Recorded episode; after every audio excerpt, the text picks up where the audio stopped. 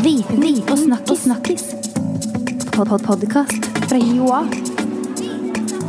Viten og snakkis. snakkis. Hei, og velkommen til en ny episode av podkasten Viten pluss snakkis. I dag er vi blitt kasta ut av det vanlige studioet vårt, så vi har liksom funnet et, et lite bakrom og innretta oss der. eh. Og I dag skal vi snakke om noe veldig spennende som jeg faktisk ikke har peiling på, selv om jeg er mann. For vi skal snakke om militæret og likestilling i militæret. Katrine, du kommer over gata fra AFI og på besøk. Hei. Hei. Du, først, Vi snakker ofte om AFI. Du jobber jo hos AFI. Hva er AFI igjen? Arbeidsforskningsinstituttet ved Høgskolen i Oslo og Akershus. Ja. Som da nylig har blitt en del av Høgskolen i Oslo og Akershus. Nettopp. Hva, hva er det AFI forsker på? Forsker, eller Forskerne på AFI, jeg er ikke forsker, men, men forskerne som jobber på AFI, eh, forsker på veldig mye forskjellig. Eh, Det meste har en eller annen kobling til arbeidsliv eller samfunnsdeltakelse. Eh, Men det spenner bredt. Og en, eller Forskeren jeg har tatt med meg bort eh, i, i vårt provisoriske studio i dag, han eh, er spesialist på likestilling i militæret. Og han heter Dag Ellingsen. Vil du si hei, Dag? Hallo, her er jeg. Velkommen. Ja, Katrine, du har ikke vært i militæret, har du det? Jeg har ikke det. Nei, jeg eh, slapp ikke gjennom meg. På, så jeg var noen timer på sesjon, og der slutta det. Har du vært i Forsvaret? Eh, Ja, eh, jeg er um, en av Norges lavest dekorerte soldater gjennom tidene. Men jeg har vært der lenge, fordi jeg, jeg tok jo førstegangstjeneste på 70-tallet en gang. Og så var jeg deretter um, et, en uke hvert år i Heimevernet. Mye kontortjeneste. Så, så jeg fulgte Forsvaret på et eller annet vis fram til slutten av 90-tallet, var det vel. Så um, det var veldig spennende å starte på nytt med forsvar og forsvarsforskning for en tre-fire år siden. Så um, da fikk jeg et møte med mine både gamle fordommer og nye innsikter. Ja, Fortell litt mer. Hva, hva er det du har blitt uh, sittet og jobba med nå i det siste? Altså, Forsvarsdepartementet eh, har lenge hatt en veldig eh, ganske hårete ambisjon om å få inn flere kvinner i Forsvaret. Eh, kvinneandelen har eh, vært veldig sakte stigende, og man har ønsket seg mye høyere andeler. Og så gikk man ut og spurte damene da hvorfor de slutta, og fikk forskjellige svar. Og et svar som litt for mange ga, og som de syntes var særlig ille, var at de følte seg uønsket. Og det var mye pga. Alminnelig griseprat og dårlig humor, men også en del direkte seksuell trakassering og, den type altså klare beskjeder om at her vil vi ikke ha det. Og derfor så orka de ikke det mer. Og det, mange av dem er særdeles oppegående damer, så de fant seg kjapt noe annet å gjøre. Og dermed så var de på jakt etter noen eh, forskere som kunne si noe fornuftig om hva som egentlig skjedde. Om hva slags maskulinitetskulturer man hadde i, i Forsvaret.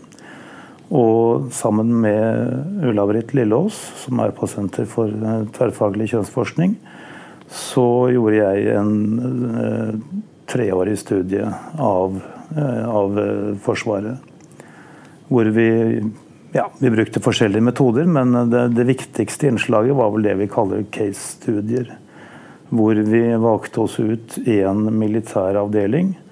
Eh, Den valgte vi mye fordi den eh, hadde introdusert såkalte fellesrom. Og så valgte vi en avdeling i marinen også. Og framgangsmåten var at vi eh, prøvde å få intervjuet et utvalg rekrutter, og mange rundt dem også tre ganger i løpet av førstegangstjenesten. Og, vi hadde også eh, si, ja, open access. Altså vi, vi var tilgjengelige for dem eh, via mail og mobil eh, omtrent når de ville. Hvis de, hvis de hadde noe på hjertet som de mente vi hadde glede av. Og vi ble ikke akkurat nedrent av meldinger, men vi fikk noen veldig viktige tilbakemeldinger eh, blant enkelte av dem.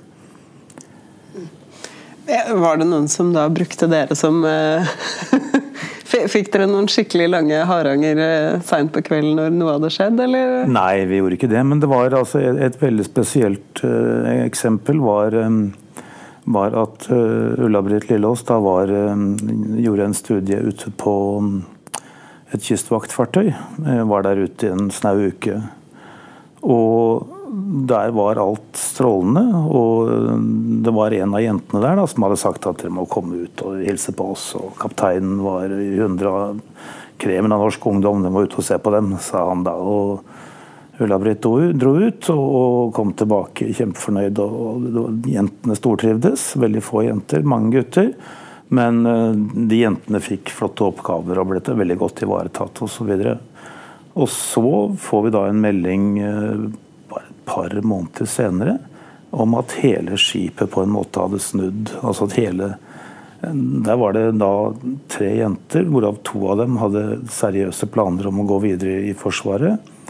Og den ene hadde sykmeldt seg og, og altså, de to andre ville fortest mulig av båten, de også, aldri mer Forsvaret. Fordi de hadde skiftet ut noe av mannskapet, og inn hadde det kommet noen eplekjekke gutter med utrolig mye nedvurderende prat, griseprat, ekskluderende prat forhold til jenter på alle mulige vis.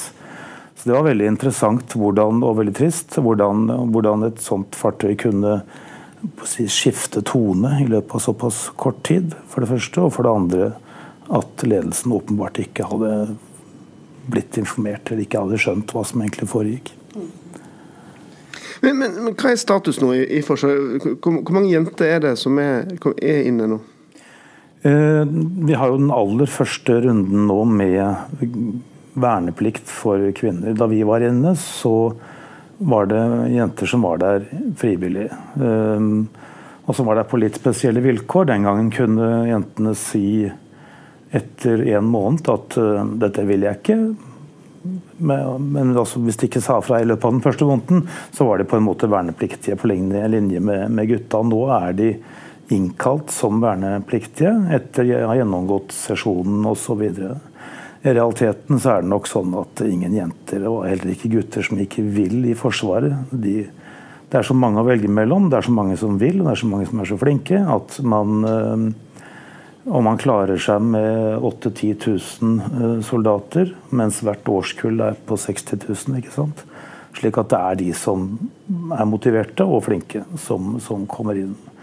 Og de er nå i ferd med å få en jenteandel på 20-25 blant de vernepliktige. Eh, veldig fornøyd med det. Og det som også er veldig interessant, er at eh, jentene i veldig liten grad faller fra, altså i mindre grad enn gutta, faktisk, i løpet av tjenesten. For det er alltid en del naturlig avgang. Folk som eh, ja, har fått helseforandringer siden de var på sesjon, eller som ikke helt har skjønt hva de har meldt seg på til, osv. Jeg eh, har hatt scener med folk som syns det er veldig ekkelt med våpen. Altså det, og, og lange turer i skogen. Ingen av delene var øverst på ønskelista, og da, da, er det kanskje ikke der du skal være. Det, men dette skal vi få høre mer om på et seminar eh, onsdag i denne uka. Og eh, vårt klare inntrykk er at Forsvaret ser på dette som en suksess. Og det er veldig spesielt. altså I internasjonal sammenheng så, så er det vel knapt andre enn oss og Israel, det jeg vet, som har eh, kvinnelig verneplikt. Og da kan vi jo si at På det seminaret som heter 'Fra baktropp til fortropp', eh, og som er på Litteraturhuset, så skal du snakke litt om noe av det som kanskje er aller mest morsomt i hvert fall fra den studien, og det handler om fellesrom. Ja, og det handler om uh, våre egne fordommer også. Uh, vi valgte da ut en hæravdeling i Nord-Norge fordi vi visste at de hadde innført fellesrom, og de var de første som gjorde dette for ca. ti år siden nå. Og de hadde fått en pris for det, eh, Forsvarets likestillingspris.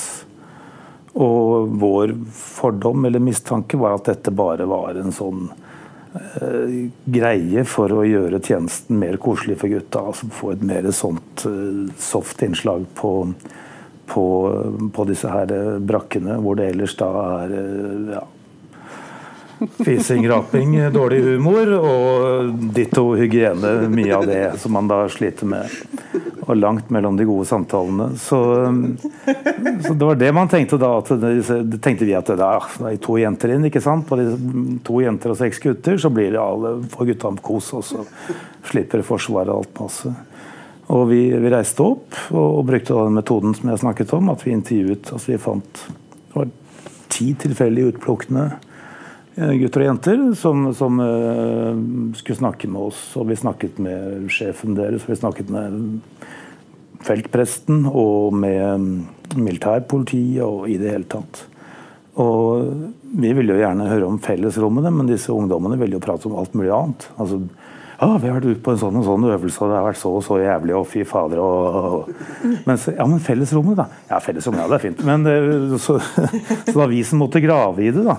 For å høre hva dette egentlig var for noe. Og, og vi har jo spurt dem gang på gang, og, og vi passet på at en av intervjurundene var like etter en, en, tøff øvelse, og like etter at de hadde fått beskjed om hva de skulle gjøre hoveddelen av tjenesten. da som jo var litt sånn Da var det litt tårer fordi noen Det var liksom eh, et hierarki av stillinger. da. Noen som var populære, og andre som var mindre populære. Men heller ikke da var det noe snakk om fellesrom og at det var noe gærent med det. Det, det vi heller fikk høre, var at fellesrommene fungerte avseksualiserende. Altså det ble en sånn eh, familie- eller søskenstemning. Altså, øh, veldig interessant tema som vi har lyst til å følge opp. For det skjer et eller annet der. Både fellesrommene, hvor de da er sammen, og de, det er jo ut og inn og, og dusj og alt mulig rart. Ja, separate dusjer. Men altså det er, man ser hverandre i veldig private situasjoner. Dette er stedet hvor de sover.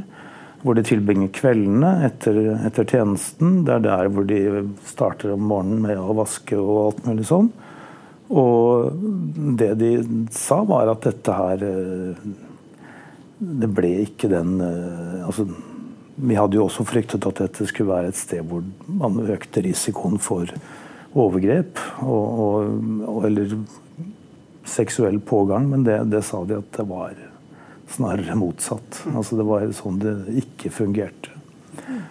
Uh, og Grunnen til at de innførte disse rommene, var jo at, at de hadde erfart at uh, mange av jentene havnet utenfor informasjonsloopen. Altså veldig mye informasjon gikk uh, uformelt rundt omkring.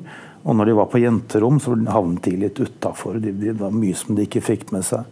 Pluss at de visste at uh, på selve opplæringen så var de i tradisjonelle brakker. Etterpå så skulle de ut i tjeneste på veldig små hytter nærmest, eller, og telt osv. Og, så og der var de nødt til å bo sammen, eh, gutter og jenter. slik at dette var på en måte veldig pragmatiske ting man prøvde å, å løse på. Og så ble vi veldig overrasket over å finne ut at dette her faktisk så ut til å fungere veldig positivt. Men må legge til at det var eh, veldig dyktig ledelse på dette stedet. En veldig god oversikt over hva som skjedde og ikke skjedde. Og det var jo mye av det, det, vi forventet å finne der oppe også. Altså, det var jo eh, seksuell trakassering der også. Noen eh, som oppfattet seg som noen alfahanner, som, som tenkte at de var såpass uimotståelige at at disse jentene var nødt til å falle for dem. Og så gjorde de merkelig nok ikke det, og så fikk de dritt i retur. Og Det som var det interessante da, var at en del av gutta gikk inn. Sa fra. Det var ikke jentene som gikk til ledelsen og sa at eh, jeg er blitt trakassert. Det var noen av de andre guttene som sa at dette vil vi ikke ha. Vi går til ledelsen vi sier at dette skal være slutt. Her vil vi ha det ålreit. Vi vil ikke ha den der eh, de og vi og trakassering og, og den type ting. Så det, det, var også et nytt funn eh, som vi kaller for um, solidarisk maskulinitet. Da, eller ja, supportive masculinity, når vi antalte det på, på, på, engelsk. Kule gutter, altså. Ja, og, det, og vi er ikke helt alene om å finne det. Altså, man snakker om det, det er en studie fra Garden for en del år tilbake som snakker om noe av det samme. At det er en del gutter som ser at å ha jentene som en del av de vernepliktige sammen med dem, det er så bra at her vil vi ha ut med de der elementene som, som prøver å ødelegge men, men, men, hvordan blir det sånn? Altså, bare Blir det sånn av seg sjøl av at du setter gutter og jenter i, i, det fellesrommet, eller er det ledelse og strukturer og organisasjoner og masse ting så, så, hva skal jeg si, infrastrukturen som må på plass for at dette skal gå så bra som du gir uttrykk for nå?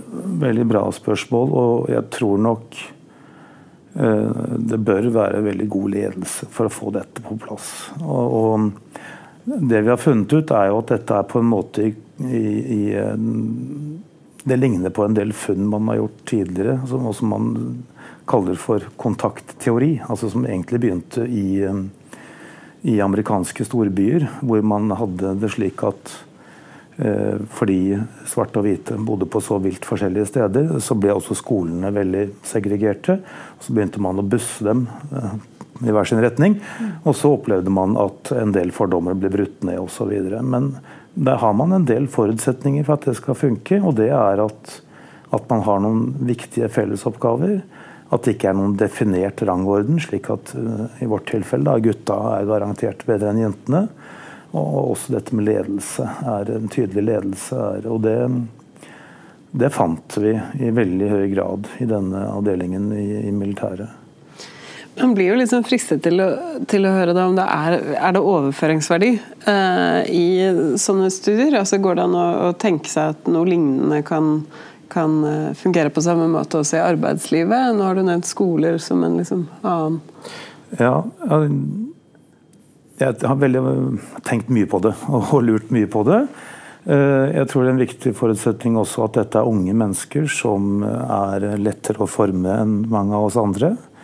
Og, det er en veldig spesiell situasjon. Altså det, det er vel få av oss som da eh, tenker at man burde riste sammen med noen kolleger og, og bo på en Sove i køyeseng et par uker eh, for å, å liksom oppnå optimal eh, eh, måloppnåelse. Men eh, eh, Så jeg tenker kanskje det er mulig at vi har en viss overføringsverdi til type manns, eller opprinnelige mannsbastioner, da, som eh, politi, brannvesenet og sånn, hvor man også tidvis lever nokså tett på hverandre. Man bor jo ikke sammen på den måten, men man, man går sammen og patruljerer som politifolk, eller man som brannfolk eh, ja, vel også er mye sammen. Eh, dette vet jeg ikke så mye om.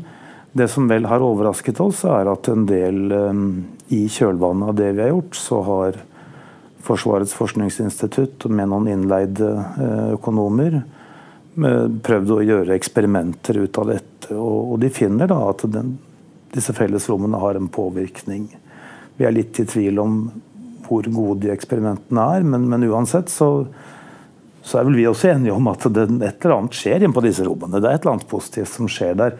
Men når de da sier at dette her kan brukes til å på en måte fjerne glasstaket, eh, altså i ledelsessammenheng, så, så, henger vi ikke helt med. Vi tror det er mer som skal til enn som så. Ja. Er ikke køyeseng nøkkelen til Jeg syns det.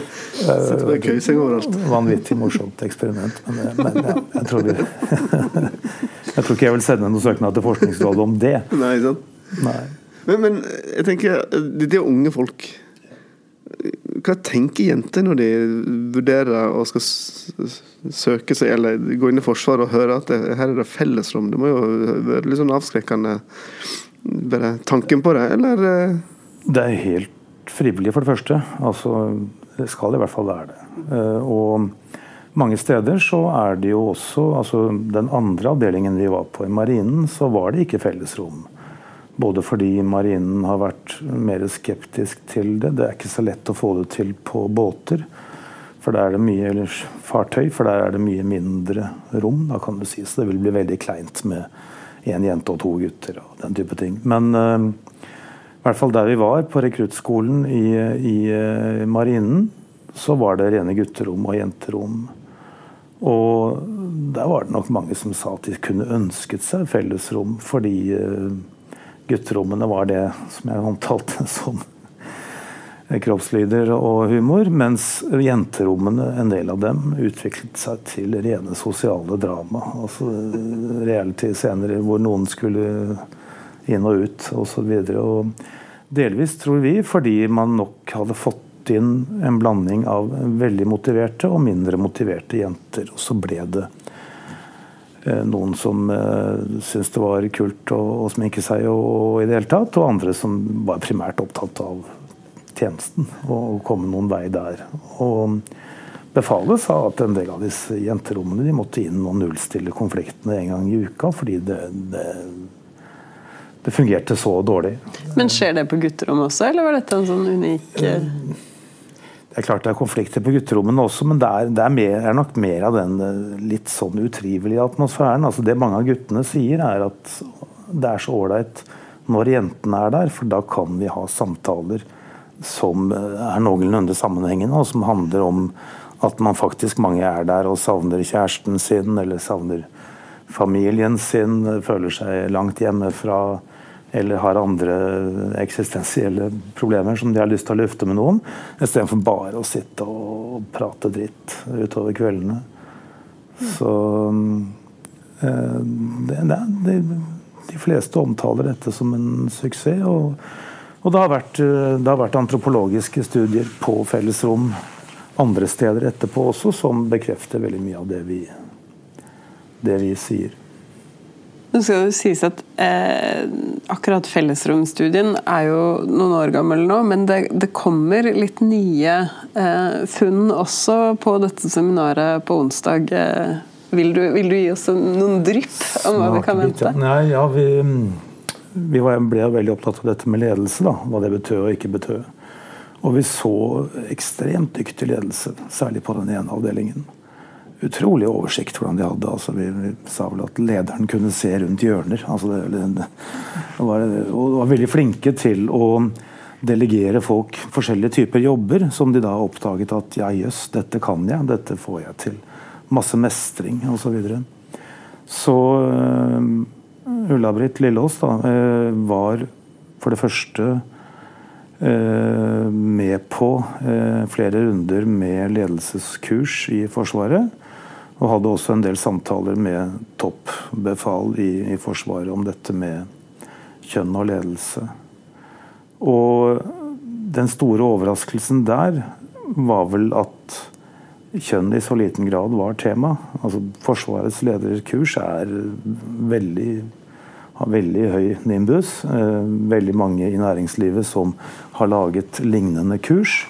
Handler mye om å finne din egen lederstil. og, og handler om å, å, kunne ta ansvaret der og da og gjøre gode vurderinger osv. Og, og mye av dette fungerer bra, men det er altså, skal man da samtidig uh, fungere som ledere i en helt ny setting i Forsvaret, hvor kvinner er en mye viktigere andel, altså hvor det er en mye mer kjønnsbalansert eh, arena, så, så, er vi litt overrasket over at det så liten grad er tema i deres ledelses. Så det skal vi snakke mer om. Mm. Ja. Så på onsdag er det altså da eh, allmenn verneplikt eh, nesten et år etter. Eh, hvordan har det gått? Eh, som er litt sånn overskriften. Og så blir det litt Det får vi høre en del om, ja. Vi får høre noen innen Forsvaret som, som lurer på om det er dette den kremen av norsk ungdom skal drive med. Så er det andre som skal skryte av kremen av norsk ungdom, og vi skal møte kremen av norsk ungdom.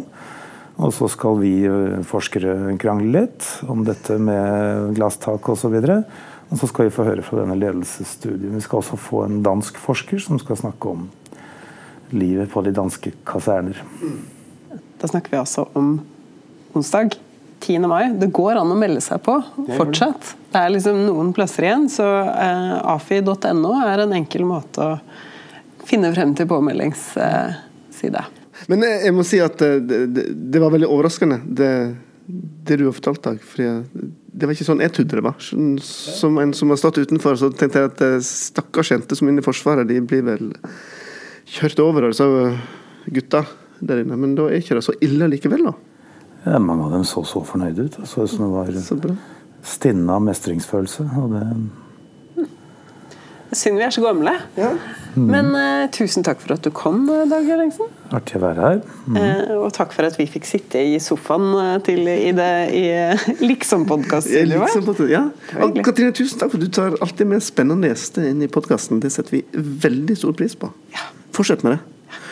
Og tusen takk til dere som hørte på denne episoden her òg. Vi har en nettside som heter blogg.hioa.no skråstrek viten pluss snakkes.